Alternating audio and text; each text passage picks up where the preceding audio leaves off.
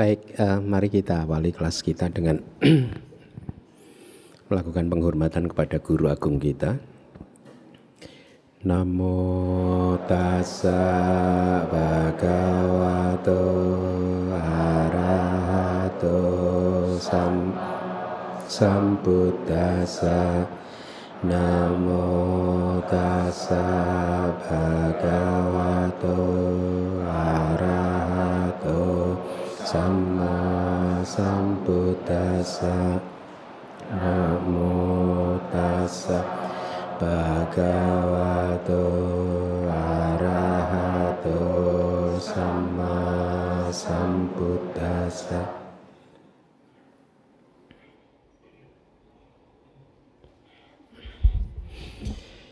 Baik, uh, selamat malam semuanya. Ya, kita melanjutkan pelajaran kita ya. Saya diingatkan oleh Aling bahwa ada salah satu murid yang notice bahwa ternyata kelas terakhir kemarin melompat ya. Syairnya melompat. Dan setelah saya cek memang benar melompat. Yang salah penomoran file saya. Eh, saya biasanya memberi nama filenya gitu di depannya saya beri angka 1, 2, 3, 4 gitu. Jadi ini kelas pertama, kelas kedua, kelas tiga, kelas keempat gitu. Pada waktu memberi nama kelas yang kemarin itu apa? Jawana Niyama ya, prosedur untuk Jawana. Saya memberinya angka 3, harusnya itu angka 4 atau gimana gitu ya. Pokoknya uh, keliru di situ sehingga karena saya masuk kelas langsung buka laptop. Jadi tidak tidak notice bahwa ada kejadian kita syairnya melompat. Seharusnya kelas yang terakhir adalah tentang tadaramana niyama atau hukum untuk yang mempertahankan objek. Ini sebentar spellingnya juga salah lagi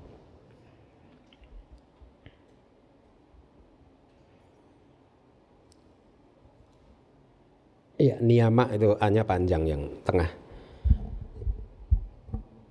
Jadi harusnya kelasnya materinya ini dulu baru kemudian jawana niyama atau prosedur untuk impuls atau prosedur hukum untuk impuls hukum untuk jawana. Tapi untungnya materi yang kemarin itu dan materi yang kali ini materi lepas boleh dikatakan sehingga Anda tidak eh, apa tidak rugi apa pun ya tidak membuat tidak akan membuat anda bingung ya. E, karena itu memang ya itu satu paket gitu. Jadi jadi apa anda masih bisa merangkai puzzle dari proses kognitif atau witi itu dengan baik meskipun sempat terlompat satu kelas. Baik, jadi kita sekarang akan masuk ke materi yang lain yaitu hukum untuk yang mempertahankan objek ya di sini belum konsisten hukum. Kadang bisa juga sih kita terjemahkan jadi prosedur ya prosedur untuk yang mempertahankan objek gitu ya. Kalau arti kata ininya sebenarnya niyama niyama itu hukum yang tetap. Kayak hukum alam yang tetap. Kita mengenal panca niyama kan lima hukum alam yang tetap seperti kama niyama cita niyama bija niyama dama niyama sama apa? Yang satu. Utuk niyama ada lima hukum yang tetap yang pasti gitu ya. Itu e, niyama ya. Jadi anda boleh memakai kata hukum boleh juga memakai kata prosedur. Mari kita lanjutkan. E, saya harap dibaca yang berwarna kuning. Akan tetapi di sini dalam kondisi apa pun juga ketika objek tidak menyenangkan maka sepasang kesadaran panca indera yang menerima yang menginvestigasi dan yang mempertahankan objek adalah resultan tidak baik. Ini hukum, ya aturannya begitu. Memang memang faktanya seperti itu. Pada saat objeknya itu tidak menyenangkan, ya, maka Anda harus mulai bisa membayangkan coba proses kognitif di pintu mata. Yang pertama muncul bawangganya apa dulu? Atita bawangga, bawangga masa lampau, kemudian bawangga celana atau getaran bawangga, kemudian bawang upaceda atau apa itu? penghentian bawangga ya. Ya, tiga momen kesadaran bawangga muncul baru kemudian uh, proses kognitif aktif muncul dengan diawali oleh apa? Kes, manu dua, uh, sorry, panca dwara wajana, kesadaran yang mengarahkan ke pintu panca indera mengambil objek mata kan, objek bentuk. Dalam hal ini objek bentuknya adalah yang tidak menyenangkan karena kita hanya mempunyai satu kesadaran panca dwara wajana maka tidak ada masalah di sini yaitu yang muncul. Nah, sekarang cakuk winyananya yang mana? Yang muncul. Karena di sini adalah uh, objeknya adalah tidak menyenangkan, maka cakuk winyana yang muncul adalah UPK sahagata cakuk winyana aku salah wipaka cita. Ya, aku salah wipaka uh, ahituka wipakacita. Eh, no, aku salah wipakacita tanpa ahituka. Ya. Jadi bukan yang kusala wipaka karena objeknya tidak menyenangkan. Ini jadi objek yang tidak menyenangkan itu sesungguhnya memfasilitasi karma buruk kita untuk berbuah ya berupa karma buruk kita berbuah berupa kemunculan kesadaran mata dari aku salah wipaka ya Kemudian setelah caku winyana apa? Sampati, cana, cita. Kesadaran yang menerima ada dua kan? Yang mana? Yang yang aku salah wipaka lagi. Ya karena objeknya tidak menyenangkan kan? Ini adalah buah dari karma buruk. Yang buah dari karma buruk strictly speaking kesadarannya objeknya bukan buah dari karma buruk, objeknya memfasilitasi karmanya untuk berbuah itu ya. Kemudian yang menginvestigasi kan ada tiga, ya. Jadi yang mana? Tetap juga yang aku salah, wipaka UPK sahagata kan. Setelah itu kan yang memutuskan satu kesadaran saja berarti tidak masalah ya itu yang muncul. Setelah tidak memutus, uh, yang memutuskan kemudian apa? Tujuh momen, impuls, jawana yang mana? Tergantung kalau orang ini mempuk mengaplika apa menerapkan Yuniso Manasikara, maka yang muncul bisa saja Maha Kusala. Ya. Tetapi kalau orang ini yang begitu melihat objek yang tidak menyenangkan bereaksi secara negatif, berarti tidak ada Yuniso Manasikara kan? Tidak ada perhatian yang bijaksana, a Yuniso Manasikara, perhatian yang tidak bijaksana, maka dia bereaksi secara negatif dengan memunculkan impuls atau jawana apa? aku salah ya bisa dosa mula cita karena objeknya tidak apa menyenangkan kan kalau loba mula kan sulit ya. Kalau objek tidak menyenangkan biasanya dosa mula cita ya ya. Nah yang menarik adalah anda sekarang sudah paham bahwa reaksi kita terhadap objek respon kita terhadap objek tidak dikendalikan oleh objek. Ya. Murni dikendalikan apa uh, ditentukan oleh apakah kita menggunakan perhatian yang bijaksana atau tidak. Ya kalau kita menerapkan perhatian yang bijaksana maka jawabannya positif. Maha kusala. Bagaimana sih perhatian yang bijaksana itu? Perhatian yang bijaksana adalah salah satunya adalah merenungkan melihat bahwa segala sesuatu adalah anicca duka anatta asubha ada empat kan? Anicca tidak kekal duka penderitaan, anata tanpa diri, tanpa roh, bukan diri, bukan roh, kemudian asuba, tidak indah, tidak cantik. Segala sesuatu itu anicca, duka, anata, asuba. Kalau kita merenungkan seperti ini maka batin menjadi tenang dan kemudian menjadi positif kan maha kusala yang muncul kan ya apalagi kalau kita mampu mengamati misalkan muncul dan lenyapnya kesadaran mata, muncul dan lenyapnya kesadaran yang menerima, muncul dan lenyapnya kesadaran yang menginvestigasi, yang memutuskan jawana. Nah, itu udah pasti juga maha kusala, ya. Kira-kira seperti itu. Jadi satu hukum pertama yang sekarang Anda uh, ketahui adalah pada saat objeknya tidak menyenangkan, maka kesadaran resultan yang muncul di proses kognitif uh, baik itu pintu panca indera maupun nanti pintu pintu batin itu adalah dari yang aku salawi pakak bagus kemudian dibaca lagi yang kuning jika objek yang menyenangkan mereka resultan yang baik. Ya.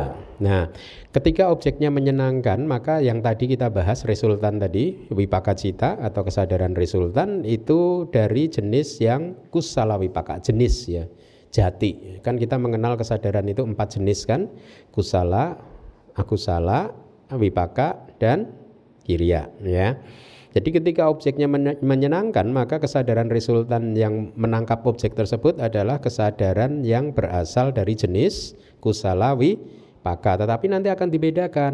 Karena apa? Karena kita kan mempunyai tiga, uh, dua santirana kan. Kita kan mempunyai dua kesadaran yang menginvestigasi dari jenis kusalawi paka kan. Yang satu disertai dengan UPK, yang satu disertai dengan somanasa. Lalu yang mana yang mengambil ya? Dan nanti akan dijelaskan. Ya, jadi dibedakan. Nanti akan dibedakan objeknya itu menyenangkan saja atau menyenangkan sekali. Nah, gitu gitu. Kayak orang zaman sekarang kan, menyenangkan saja atau menyenangkan benar-benar. ya.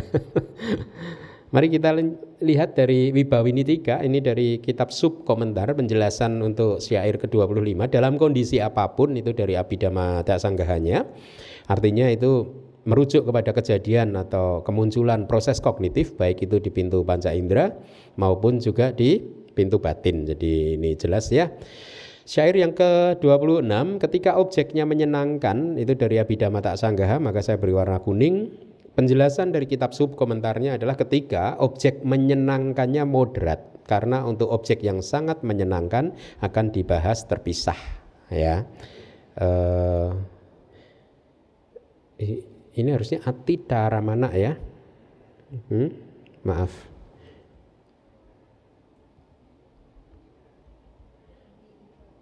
iya tapi bisa disambung kalau disambung i-nya panjang itu lihat tuh ati taramana itu artinya ati plus ita paham nggak itu ati kan panjang kan ati plus ita disambung aja. Anda juga bisa sih dipisah ati ita aramana.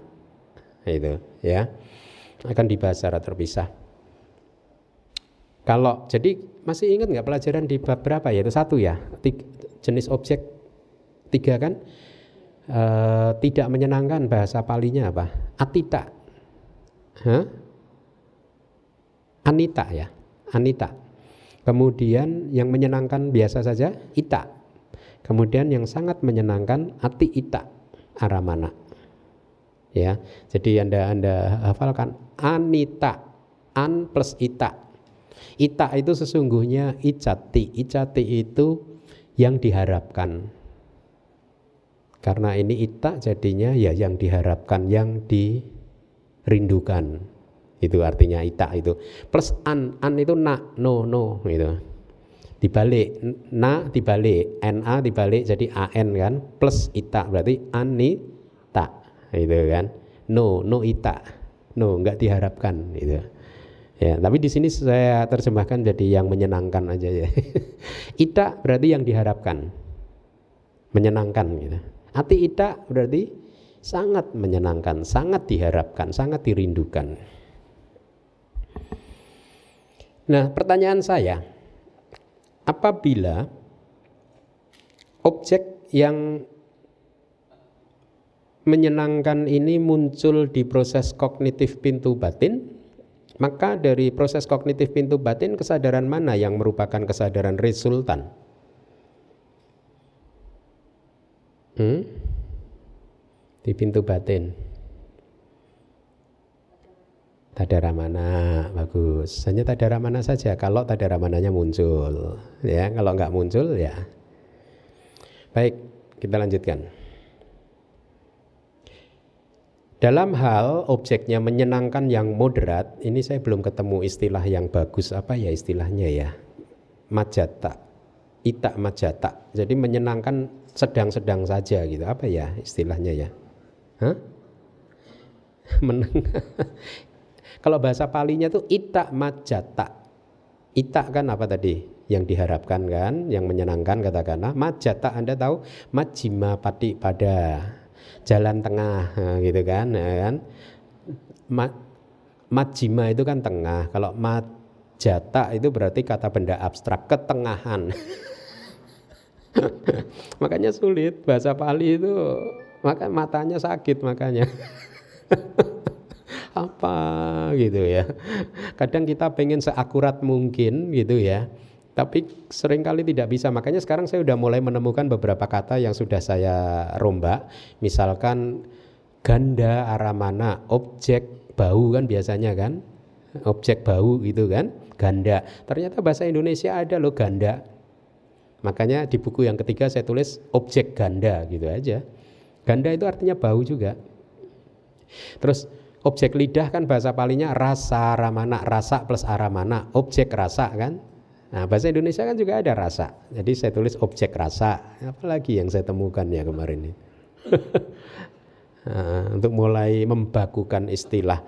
Nah, objek ita majata ini nggak tahu nanti Anda bisa membantu saya. Majata, majat, majima, mat, tengah ketengahan yang diharap. Jadi ya kira-kira objek yang menyenangkan tapi moderat gitu. Biasa-biasa, cukup menyenangkan, tidak menyenangkan sekali gitu.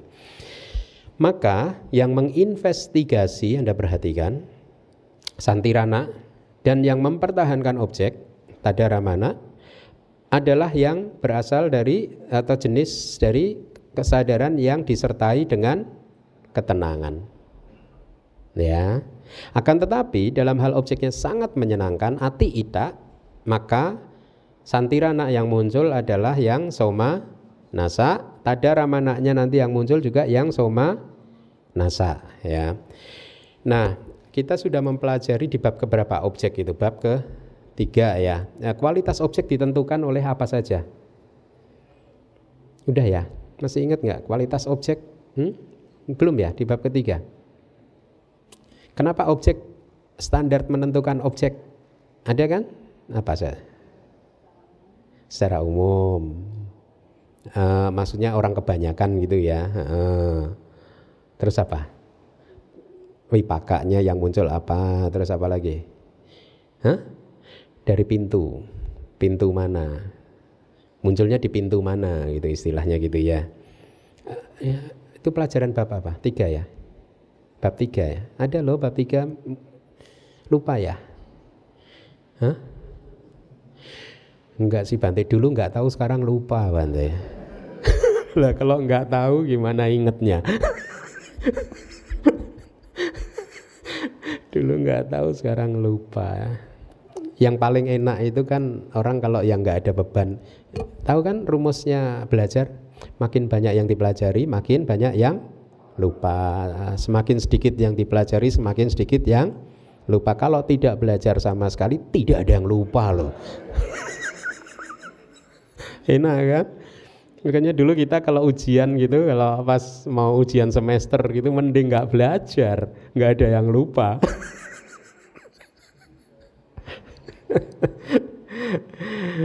nah, jadi baik. Jadi perbedaan kualitas objek eh, ditentukan objek itu sendiri uh, bukan oleh suka atau tidak sukanya kita artinya gitu ya.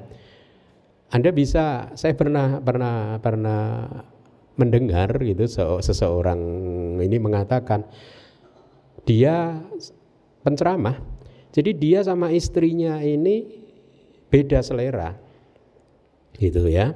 Dia tidak suka makanan panas, istrinya suka mak eh sorry makanan pedas, istrinya suka makanan pedas. Nah, kalau pulang ke rumah kebetulan pembantunya masak makanan pedas, dia bercerita, waduh pada saat itu saya memetik buah karma buruk saya, istri saya, istri dia memetik buah karma baik itu. Jadi Nah, kita tahu kan bukan begitu kan logikanya kan, ya masakan pedas itu secara average rata-rata itu termasuk objek yang menyenangkan atau tidak? Tidak menyenangkan gitu ya, secara rata-ratanya gitu. bisa dianggap seperti itu. Jadi ya artinya itu sebagai objek yang memfasilitasi kemunculan buah dari karma buruk. Tetapi kenapa istri dia senang? Ya karena jawabannya loba mula cita mungkin ya jadi seneng kan terhadap masakan yang pedas gitu ya jadi hati-hati makanya menarik sekali di kitab Adak Salini di kitab komentar dari Damasanggani itu ada kata-kata yang saya quote di buku manual yang pertama, buku kesadaran, kira-kira seperti ini. Seorang biku yang tidak memahami abidama tidak bisa dikatakan sebagai seorang biku pembabar dhamma sejati. Ada kan di buku yang pertama? Itu dari kitab kuno loh. Ya. Hanya seorang biku yang memahami abidama yang bisa dikatakan sebagai dhamma katika, pembabar dhamma yang benar, yang sejati. Kenapa? Diberi alasan karena mereka yang tidak paham abidama akan kesulitan pada saat menjelaskan perbedaan antara kama dan kama wipaka, antara karma dan buah karma. Seperti yang tadi cerita makanan pedas tadi, kan kesulitan dia membedakan ini karma, ini buah dari karma, kan kesulitan bahwa istri dia senang terhadap makanan pedas yaitu karena apa? Karena dia bernafsu mungkin loba mula cita udah karma baru. Ya pedasnya sendiri itu diterima oleh kesadaran lidah sebagai katakanlah itu buah dari karma buruk. Kira-kira begitu. Dan seorang biku yang tidak memahami abidama akan kesulitan untuk menjelaskan perbedaan damak-damak misalkan loba itu seperti apa, dosa itu seperti apa, moha itu seperti apa kesombongan itu seperti apa mana pandangan salah itu seperti apa Hah? kemudian apa? Do isa maca kuku. Bisa ingat nggak? Dosa isa maca ria kuku. Cak kesulitan pasti membedakannya. Akan mencampur adukkannya kan? Kemudian mo ahi ano uda. Moha ahirika ano tapa dan uda. Cak kayak apa? Kesulitan kan karena nggak paham abidama kan? Akhirnya mess up mix up mess up. Dicampur-campur dan tidak karuan akhirnya. Yang loba dianggap maha kusala, maha kusala dianggap loba gitu kan? Kira-kira seperti itu. Ya inilah mengapa abidama itu penting sekali ya. Jadi perbedaan kualitas objek ditentukan oleh memang secara inherent inherent ya apa inherent inherent kualitas yang dari dirinya sendiri bukan ditentukan oleh kita suka atau kita tidak suka ya oh. Jadi makanya kalau Anda sekarang udah paham, kalau Anda tidak suka terhadap seseorang, belum tentu itu buah karma buruk loh. Waduh, aku saya bertemu dengan dia loh, orang yang saya benci, karma buruk saya berbuah. Enggak loh, belum tentu loh. Orang teman Anda yang Anda tidak suka itu bukan memfasilitasi karma buruk Anda untuk berbuah loh. Dia secara average, secara rata-rata kan objek yang mungkin cukup menyenangkan atau menyenangkan gitu. Ya kan? Belum tentu objek yang tidak menyenangkan kan? Bahwa kita tidak suka dengan dia itu bukan berarti kita sedang memetik buah karma buruk tapi kita bereaksi terhadap dia. Jawana kita aku salah. Dosa mula jawana ya jadi itu karma baru. Hati-hati itu hmm. Kemudian uh, ya walaupun nanti atau sudah kita pelajari ya di dalam proses kognitif atau witi itu kualitas objek tadi saya sebutkan misalkan tergantung pada landasan atau tergantung pada pintu dan lain sebagainya kan. Misalkan saya beri contoh apa sih dulu? Feses nggak apa-apa ya. Feses itu sebagai objek ganda objek bau aku salah wipaka atau aku salah wipaka Hah? Aku salah wipaka. Tapi sebagai objek sentuhan, aku salah atau aku salah? Huh? Selembut sutra. Paham nggak? Sebagai objek mata, mungkin indah. Kira-kira begitu ya, tergantung objeknya, tergantung. Makanya ini pentingnya abidama dibedah-bedah, dipecah-pecah sampai detail seperti itu. Nah, jadi kita memiliki pengetahuan yang benar gitu. Ya, jadi uh, atau misalkan objek jelek atau tidak jelek gitu bisa tergantung pada uh, artinya reaksi seseorang, reaksi kita terhadap objek itu bisa tergantung pada suka dan tidak sukanya kita atau kalau bahasa kerennya itu bahasa palinya sanya wipalasa. Sanya wipalasa. Wipalasa itu distorsi. Distorsi. Sanya itu persepsi. Jadi persepsi yang terdistorsi atau distorsi dari persepsi. Artinya persepsi kita terdistorsi sesuatu yang tidak indah kita anggap indah sesuatu yang indah kita anggap tidak indah sesuatu yang tidak kekal kita anggap kekal sesuatu yang kekal, eh, tidak kekal kita eh, kekal kita anggap tidak kekal dibolak balik gitu. Jungkir balik. Ya itu wipalasa. Ya contohnya contohnya. Seorang non Buddhis kalau melihat Buddha Rupang ini akan bisa memunculkan apa? Kebencian kan? Kejengkelan kan? Padahal harusnya ini kan objek yang menyenangkan ya harusnya kan. Iya enggak anggun. Iya kan? Tidak tidak nakut-nakutin kita. Ya. Tetapi orang yang non Buddhis bisa melihat objek ini sebagai objek yang jelek. Nah pertanyaannya sebenarnya objeknya ini memang aku salah wipaka jelek atau memang persepsi dia yang terjungkir balik tadi? Terdistorsi karena persepsinya terdistorsi sama, Anda orang Buddhis kalau melihat objek dari agama lain, kalau Anda tidak suka, berarti persepsi Anda yang terdistorsi. Hmm? Misalkan objek or, uh, makhluk suci dari agama lain, hmm?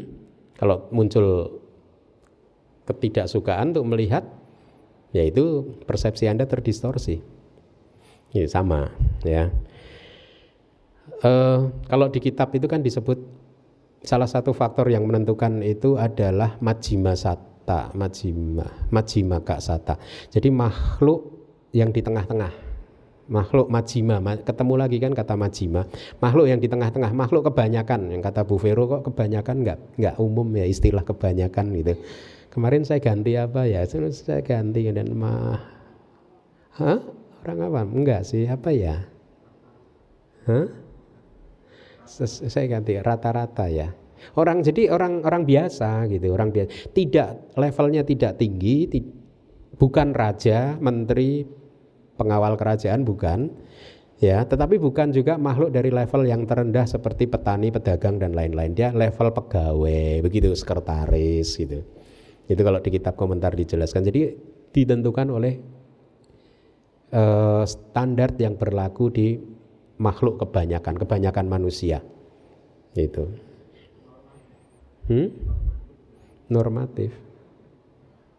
Ya. Majima, majima kak sata kalau mau mau apa sesuai dengan kata palinya ya makhluk majima kak makhluk yang berada di tengah-tengah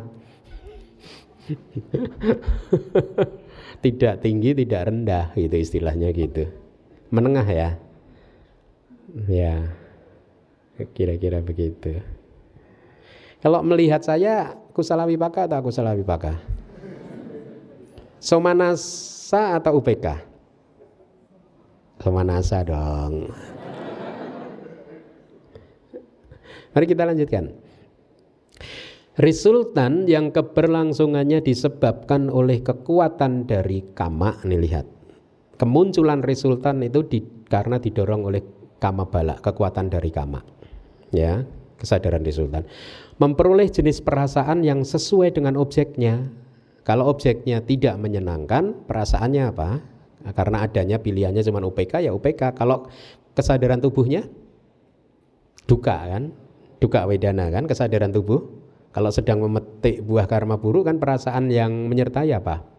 Pada saat karma buruk itu berbuah dengan kemunculan kesadaran tubuh. Perasaan yang menyertai apa? Sakit kan? Hmm? Hmm, rasa sakit. Ya, kalau karma baik yang berbuah maka kesadaran tubuh disertai dengan suka wedana kan, rasa nyaman. Jadi anda lihat Kesadaran resultan yang muncul uh, keberlangsungannya itu disebabkan oleh kekuatan dari kama memperoleh jenis perasaan yang sesuai dengan objeknya. Bukan karena melalui pilihan kita. Ya. Melainkan karena memang kemunculannya itu otomatis otomatis. Kalau objeknya tidak menyenangkan pasti yang menangkap adalah kusala wipaka kalau objeknya menyenangkan maka yang menangkap adalah kusala wipaka tergantung kalau menyenangkan berarti so, santirananya dan tadaramana yang mengambil adalah dari yang disertai dengan UPK, perasaan ketenangan. Tapi kalau objeknya sangat menyenangkan, maka kesadaran menginvestigasi dan tadaramananya dari eh, jenis yang atau perasaan yang menyertainya adalah yang soma. Nasa itu diberi perumpamaan yang sangat bagus dari kitab uh, sebenarnya ini dari kitab uh, dari kitab Hmm, kitab komentar dari Damasanggani, tapi kemudian diadopsi oleh kitab sub komentar uh, yaitu Wibawinitika. Ada semuka nimitang wiya. Wiya itu seperti nimitang. Anda tahu kan nimita? Tanda ya. Muka Anda juga tahu kan? Muka, wajah ya. Ada se, ada sa di dalam cermin. Jadi seperti tanda wajah atau seperti wajah penampakan wajah di cermin. Hmm, perumpamannya bagus ya. Jadi sekali lagi di penjelasan ini yang saya ingin Anda pahami adalah kemunculan objek yang masuk ke dalam jangkauan pintu panca indera itu didorong selalu didorong oleh kekuatan kama. Ya. E, maksud saya ke resultan, kesadaran resultannya, bukan objeknya, ya. Perasaan yang menyertainya otomatis kita tidak bisa mengendalikannya. Kita tidak bisa uh, memilih ya. Jadi dengan kata lain kalau Anda bayangkan sekarang pro, diagram proses kognitif di pintu mata katakanlah Anda bayangkan kan di sana ada objek ya, ada objek yang muncul terus sampai lenyap katakanlah di tadara mana yang kedua ya. Objek tersebut muncul sebenarnya memberikan kesempatan kepada karma untuk berbuah Karma berbuah bentuknya apa? Kemunculan kesadaran resultan atau kesadaran wipaka gitu ya. Nah, kesadaran resultan munculnya secara otomatis, kita tidak bisa mengendalikannya ya. Seperti seseorang bercermin di depan cermin ya, seperti apa? Penampakan wajah di cermin gitu. Kalau Anda berada di depan cermin kan Anda nggak bisa minta wajahnya ganteng, lebih ganteng dikit dong. Nah, itu kan nggak bisa kan, lebih cantik dikit lagi, gitu bisa nggak diatur. Hah? Siapa tahu teknologi masa depan bisa begitu ya. Tapi buat apa? Cuman dicermin doang. Aslinya tetap aja. buat difoto. ya. Nah, uh, jadi disebabkan oleh kekuatan dari karma, ya objek muncul memfasilitasi karma untuk matang masak berupa kemunculan kesadaran resultan akhirnya kita menerima objek tersebut. Baik itu objek yang menyenangkan tidak menyenangkan atau sangat menyenangkan menerimanya melalui apa? Melalui serangkaian proses kognitif di witi cita ya yang kita sudah uh, pelajari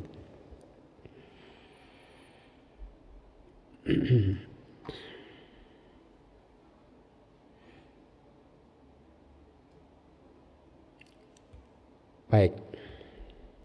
Akan tetapi untuk impuls yang baik jawananya sekarang kita bicara jawana baik atau jawana tidak baik ya eh, yang berlangsung di arus kesadaran mereka yang distorsinya belum dihancurkan artinya putu jana ya terdapat variasi jawananya bisa bervariasi artinya tadi seseorang yang non Buddhis melihat objek Buddha Rupang bisa muncul jawananya dosa mula cita. Bisa muncul karena terdistorsi kan? Atau kita melihat objek suci dari tradisi lain bisa saja juga memunculkan dosa mula cita. Bisa terdistorsi. Nah jadi lihat wipalasa distorsinya belum dihancurkan akan ada variasi. Objek yang secara alamiah itu sesungguhnya sangat menyenangkan bisa saja muncul dalam kualitas menyenangkan yang biasa saja atau bahkan tidak menyenangkan di jawananya ya. Atau dalam hal objek yang secara alamiah tidak menyenangkan bisa saja muncul dalam kualitas sebagai objek yang sangat menyenangkan atau moderat. Contohnya kalau di kitab komentar diberi perumpamaan pig pork babi begitu melihat feses feses itu objek yang menyenangkan atau tidak tidak kan tapi buat dia menyenangkan sangat menyenangkan kalau lapar kan ya itu Ya. Kira-kira seperti itu karena masalah wipalasa, distorsi, terdistorsi. Persepsi kita terdistorsi, jungkir balik, kacau. Ya. E, sebenarnya wipalasa ada tiga, kita belum belajar ya. Ada tiga wipalasa. Sanya wipalasa, distorsi dari persepsi. Cita wipalasa, distorsi dari cita dan juga yang ketiga didik wipalasa distorsi dari pandangan ya ada tiga nanti kita akan ketemu hal-hal seperti ini juga saya lanjutkan untuk mereka yang tidak mempunyai keyakinan asada jawana atau impuls yang disertai dengan ketenangan bisa saja muncul terhadap objek yang sangat menyenangkan misalnya Buddha Meskipun Anda umat Buddha, kita umat Buddha, tetapi pada saat sada kita tidak muncul, ya, tidak mempunyai sada, jadi sada kan munculnya di Mahakusala kan? Ya, pada saat itu batin kita sedang gelisah katakanlah, maka begitu melihat Buddha Rupang pun kita akan memunculkan ketenangan saja di di di ininya. Uh, di jawananya atau bahkan juga bisa dosa mula juga meskipun kita umat Buddha Hmm? Kalau lagi kacau pikirannya kan. Untuk pengikut ajaran lain, impuls bisa disertai dengan perasaan tidak senang pada saat melihat uh, Buddha. Sudah saya sampaikan ya. Jadi poinnya adalah di jawana, di impuls, di momen impuls, kualitas dari jawana tidak tergantung pada objek. Tapi ini hanya berlaku untuk mereka yang wipalasanya belum dihancurkan. Nah, nanti buat arahat beda lagi ya ininya beda lagi gitu. Selanjutnya untuk mereka yang mempunyai sifat sangat dalam, nah ini juga gembira itu sangat mendalam. Bukan gembira, beda ini. Gembira itu mendalam, suka berpikir mendalam gitu kayak filsuf gitu ya. Orangnya biasanya cukup tenang, tidak agitated gitu ya. Biasanya uh, cirinya seperti itu kalau di kitab komentar. Pakati itu sifat alamiah. Jadi sifat alamiahnya dalam, suka berpikir, ya, tenang, ya, tidak gampang terombang-ambing gitu. Kalau yang gampang ketawa itu berarti bukan gembira, kayak saya. berarti saya nggak suka berpikir. Impuls yang disertai dengan ketenangan muncul terhadap objek yang tidak menyenangkan, akan tetapi untuk maaf anjing dan lain-lain impuls bisa disertai dengan sukacita tadi sudah saya sampaikan dengan contoh babi ya ya kemudian hendaknya diingat ini bisa anda ingat-ingat kemunculan dari kesadaran resultan sebelum dan sesudah impuls itu sesuai dengan kualitas objeknya. Ya. Tetapi buat arahat nanti untuk tadaramana bisa saja berbeda. Nanti kita akan ketemu. Mari kita baca lagi yang kuning. Ketika objeknya sangat menyenangkan, maka yang menginvestigasi dan yang mempertahankan objek adalah hanyalah yang disertai dengan sukacita. Sehubungan dengan hal tersebut juga, yang mempertahankan objek yang disertai dengan sukacita ada di akhir dari impuls fungsional yang disertai dengan sukacita dan yang disertai dengan ketenangan ada di akhir dari impuls fungsional yang disertai dengan ketenangan. Nah ini tadi yang baru saja saya katakan tentang arahat kan. Mari kita baca pelan-pelan kita analisa. Ketika objeknya sangat menyenangkan Maka kesadaran yang menginvestigasi atau santirana Dan juga yang mempertahankan objek atau tadaramana Adalah hanyalah yang disertai dengan sukacita Bukan yang disertai dengan ketenangan Ya Sehubungan dengan hal tersebut, ya artinya dalam konteks ini juga yang mempertahankan objek atau tadara mana yang disertai dengan sukacita, somanasa hanya muncul kalau ini batin seorang arahat. Pada saat arahat di kesadaran fungsionalnya yang muncul adalah juga disertai dengan sukacita. Ya. Secara umum seperti ini meskipun bisa berubah nanti juga saya sampaikan rujukannya gitu. Ya, tapi secara umum prinsipnya seperti ini. Kalau jawananya adalah maha kiriya yang somanasa, maka tadaramananya juga yang somanasa. Kalau maha kiriya kan impuls fungsional kan, kalau maha kiriyanya yang UPK, yang ketenangan, maka tadaramananya juga yang UPK juga. Ya secara umum seperti itu. Ya. Uh, jadi tidak hanya kemunculan dari wipaka cita yang sesuai dengan objek, ya, tapi juga kama jawana untuk arahat. Gitu. secara umum ya, secara umum. Karena bisa ada variasinya nanti akan saya sampaikan. Secara umum prinsipnya untuk arahat pada saat e, memunculkan kama jawana atau impuls lingkup indriawi, maka ya e, pada saat objeknya itu menyenangkan, maka impulsnya adalah somanasa, tadaramananya juga somanasa. Gitu sangat menyenangkan maksud saya. Kalau objeknya menyenangkan biasa saja, impulsnya bisa UPK dan tadaramananya juga UPK, mengikuti jawana. Ya, mengikuti jawana.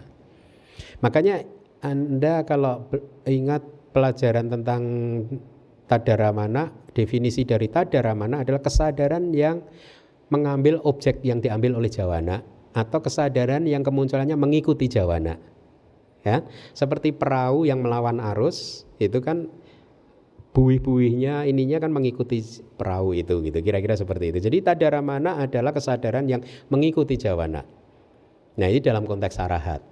Jawananya arahat seperti apa tadaramananya mengikuti. Ya. Tapi ini secara umum karena bisa saja ada variasi yang nanti akan juga saya sampaikan gitu. Ya. Ketika objeknya sangat menyenangkan maka eh, apa tadi mahakirianya yang mana? Somanasa. Tadaramananya yang mana? Berarti yang mana saja? Ada berapa tadaramana yang bisa mengikuti somanasa mahakiriya? Mama, mama, mama.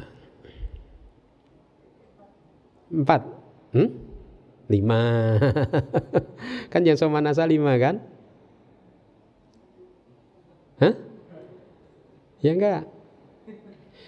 Enggak tahu Banti dulu enggak tahu sekarang lupa. Ada berapa tadara mana?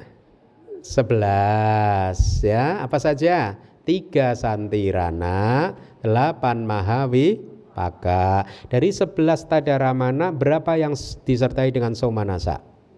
Dari mahawi paka berapa? Empat. Dari tiga santirana berapa? Satu. Lima kan? Empat tambah satu berapa? Tuh tahu ternyata. Tadi nggak tahu. Jadi ada lima yang bisa mengikuti.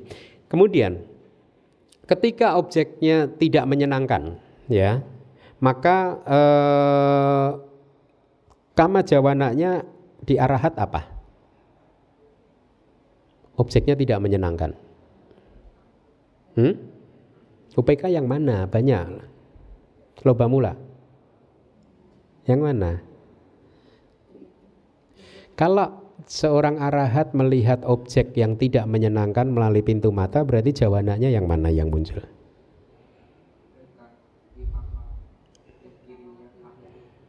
Hmm? Wipaka kiriya kusala Maha kiriya yang UPK kalau tadi yang sangat menyenangkan mahakirya yang soma nasa. Kalau objeknya menyenangkan saja, moderat. Jawananya yang UPK juga. Secara umum seperti itu prinsipnya. Secara umum ya. Saya berulang-ulang saya tekankan secara umum karena nanti bisa berbeda lagi ya. E, nah sekarang kalau objeknya tidak menyenangkan, seorang arahat melihat objek mata, objek bentuk tidak menyenangkan, berarti jawananya kan mahakirya u PK. Tadaramananya yang mana? Yang mana? Ada ya di situ ya? Ada maksudnya berapa cita yang bisa mengikuti? Hmm? Berapa cita yang bisa mengikuti? Hmm? Empat. Kok empat? Yang UPK? Hmm?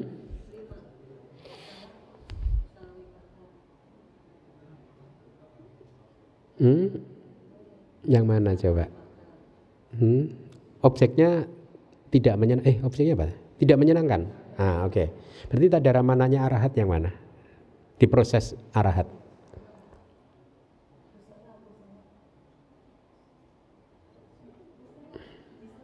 Hmm? Enam. Kan objeknya tidak menyenangkan. Kan kesadaran resultan kan tergantung objek juga. Hmm. Nah, jadi aku salah wipaka kan? Hmm? Ya, arahat Buddha masih menikmati buah karma, tapi dia sudah tidak bisa melakukan karma dibeda. Enggak bisa. Sejak menjadi arahat sudah tidak bisa melakukan sesuatu yang membuahkan karma lagi, sudah selesai. Jadi perbuatannya tidak akan berbuah. Makanya kamu kalau melanggar sila nanti aja. Kalau jadi kalau udah jadi arahat nih saya sarankan Anda melanggarnya sila nanti kalau udah jadi arahat. Karena udah nggak bisa berbuah pelanggaran silanya. Enak kan? Ya enak kan, ya jadi arahat habis itu bebas. tentu nggak bisa ya. Saya harus tambahkan, tentu nggak bisa arahat. Takutnya yang nonton YouTube nanti di seluruh dunia. Kalau anda yang di sini udah paham kan ini hanya hanya jokes saja kan. Tapi yang nonton di luar nggak bisa arahat tidak bisa melakukan kejahatan lagi. Baik, jadi kita lanjutkan. Paham ya sekarang ya untuk arahat begitu kira-kira ya. Kita lihat dari Wibawinitika. Sehubungan dengan hal tersebut juga itu artinya uh, di antara yang mempertahankan objek atau tadaramana di akhir dari impuls fungsional berarti kiria yang disertai dengan sukacita artinya di akhir dari lima impuls yang disertai dengan sukacita artinya lima kesadaran. Impuls kok lima? Yang disertai dengan Oh iya, dengan akar dan tanpa akar, betul kan? Dari mahakirya ada empat hasitu pada kan juga impuls hasitu pada kesadaran yang memproduksi senyuman itu kan juga jawana ya jadi lima benar. Nah ini dia yang saya maksud. Tetapi apabila seorang arahat menghendakinya dia akan tinggal berdiam beliau akan tinggal berdiam dengan ketenangan penuh perhatian dan pemahaman yang jernih terhadap objek apa pun jadi meskipun objeknya sangat menyenangkan bisa saja tetap UPK kalau beliau memang menghendakinya gitu. Gitu. Ya. Uh, referensinya ada itu di Majjhima Nikaya sutanya Indriya Bhawana. Kalau saya tidak salah, saya dulu membuka suta ini waktu masih belajar di tahun 2000 awal tahun 2000. Kalau tidak salah ini udah di bagian akhir dari suta itu. saya belum cek lagi sih. Jadi apabila dikehendaki maka eh, jawananya bisa berbeda ya, tidak mengikuti hukum yang tadi sudah kita pelajari. Kita lanjutkan. Mari dibaca lagi. Tetapi di akhir dari impuls yang disertai dengan antipati, yang muncul hanyalah mempertahankan objek dan faktor kehidupan yang disertai dengan ketenangan. Oleh karena itu, para guru mengatakan. Nah, anda bayangkan dulu proses kognitif pintu mata katakanlah ya. Kalau impuls yang muncul adalah dosa mula cita. Ya. Setelah impuls kalau ada tadaramana maka yang muncul hanyalah tadaramana yang disertai dengan ketenangan. Tidak bisa yang somanasa. Ya. Kenapa? Karena dosa mula cita itu aku salah kan? Uh, dengan domanasa sorry. Perasaannya apa? Domanasa kan? Domanasa dan somanasa itu berlawanan perasaannya. Tidak bisa langsung muncul berurutan. Harus ada buffernya dulu penyangganya dulu yaitu UPK tidak bisa dari perasaan tidak suka langsung seketika muncul perasaan suka. Ada buffer penahannya dulu. Dari rasa tidak suka muncul lenyap kemudian UPK dulu muncul lenyap baru bisa muncul somanasa. Ya. Atau kalau tadaramananya itu tidak muncul ya karena ini objeknya adalah objek yang besar saja berarti kan tidak ada tadaramana. Setelah jawananya dosa mula cita kan masuk ke bawangga. Nah bawangga ini bawangga yang mana Bawangga ini kan sama dengan patik sandi kan? Patik sandi kesadaran penyambung kelahiran kembali kan? Nah problemnya akan muncul apabila orang tersebut kesadaran penyambung kelahiran kembalinya adalah kesadaran mahawipaka yang disertai dengan somanasa. Paham nggak? Kan tidak bisa langsung muncul berarti tadi habis domanasa, perasaan tidak suka, kemudian langsung masuk ke bawah enggaknya somanasa. Berarti dari perasaan tidak suka lenyap langsung perasaan suka tidak bisa. Di patana tidak begitu ya. Harus disangga dulu di buffer apa di netralkan dulu yaitu dengan UPK. Nah, lalu bagaimana? Akan muncul yang disebut bawangga tamu tamu saja nanti kita akan ketemu istilah ini akan tukak bawangga bawangga yang sesungguhnya hanyalah tamu sementara saja tamu tak diundang ya yang muncul satu momen kesadaran berfungsi sebagai bawangga tapi sebenarnya memuluskan jalan supaya setelah itu somanasa bisa muncul. Gitu ya. Oleh karena itu para guru mengatakan seperti ini silahkan dibaca lagi.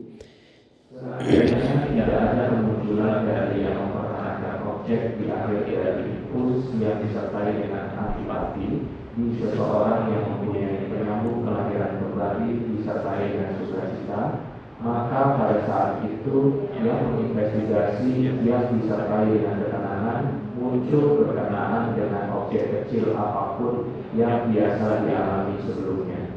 Seketika setelah itu, arus kesadaran jatuh ke dalam faktor kehidupan. Ya, ya. Uh, jadi yang berfungsi sebagai kesadaran uh, bahwa enggak tamu, nanti bahasa palinya Anda belum ketemu ya di sini ya. Huh? Agantuka mau dicatat. Agantuka biasa sih. A, -nya, A pertamanya panjang. agantuka biasa A G A N T U K A agantuka tapi A yang pertama itu ada garis di atasnya terus bawangga jadi bawangga tamu gitu. yang berfungsi sebagai bawangga tamu adalah UPK Santi Rana ya tapi objeknya ini berbeda ini Biasanya kan di dalam satu proses kognitif kan objeknya satu sama. Tapi ini ada objek yang berbeda lagi, yaitu objek apa? Objek kecil atau objek lingkup indriawi yang biasa dialami sebelumnya di dalam kehidupan ini. Masih ingat objek objek kecil itu apa saja? 54 kama wacara cita, 52 cetasika dan 28 rupa. Itu yang disebut objek kecil kan? Kenapa disebut kecil? karena dayanya tidak sekuat Mahagata dan Lokutara kira-kira begitu jadi saya ulangi lagi agan tukak bawangga atau faktor kehidupan yang berfungsi sebagai hanya sebagai tamu saja atau bawangga tamu yaitu UPK Santirana muncul satu momen kesadaran saja ya. Tapi dia mengambil objek yang berbeda dari proses objek proses kognitif tadi ya. Objeknya adalah objek kecil kama wacara aramana atau objek lingkup indriawi apa pun yang biasa dialami sebelumnya. Jadi dia muncul hanya sebagai buffer aja. Penyangga sebelum akhirnya somanasanya muncul ya. Karena dari domanasa tidak langsung bisa diikuti oleh somanasa sama dari somanasa juga tidak bisa langsung diikuti oleh domanasa penjelasannya akan tetapi di akhir dari impuls yang disertai dengan antipati dan seterusnya yang ada hanyalah yang disertai dengan ketenangan. Bukan yang disertai dengan sukacita karena keduanya secara alamiah saling berlawanan. Itu penjelasan dari kitabnya. Nak somanasa sahagatani anya manyang wiruda sabawata. Ya jadi keduanya itu mempunyai sifat alamiah yang saling berhadapan-hadapan, wiruda, saling berlawanan gitu anyak manyak itu saling.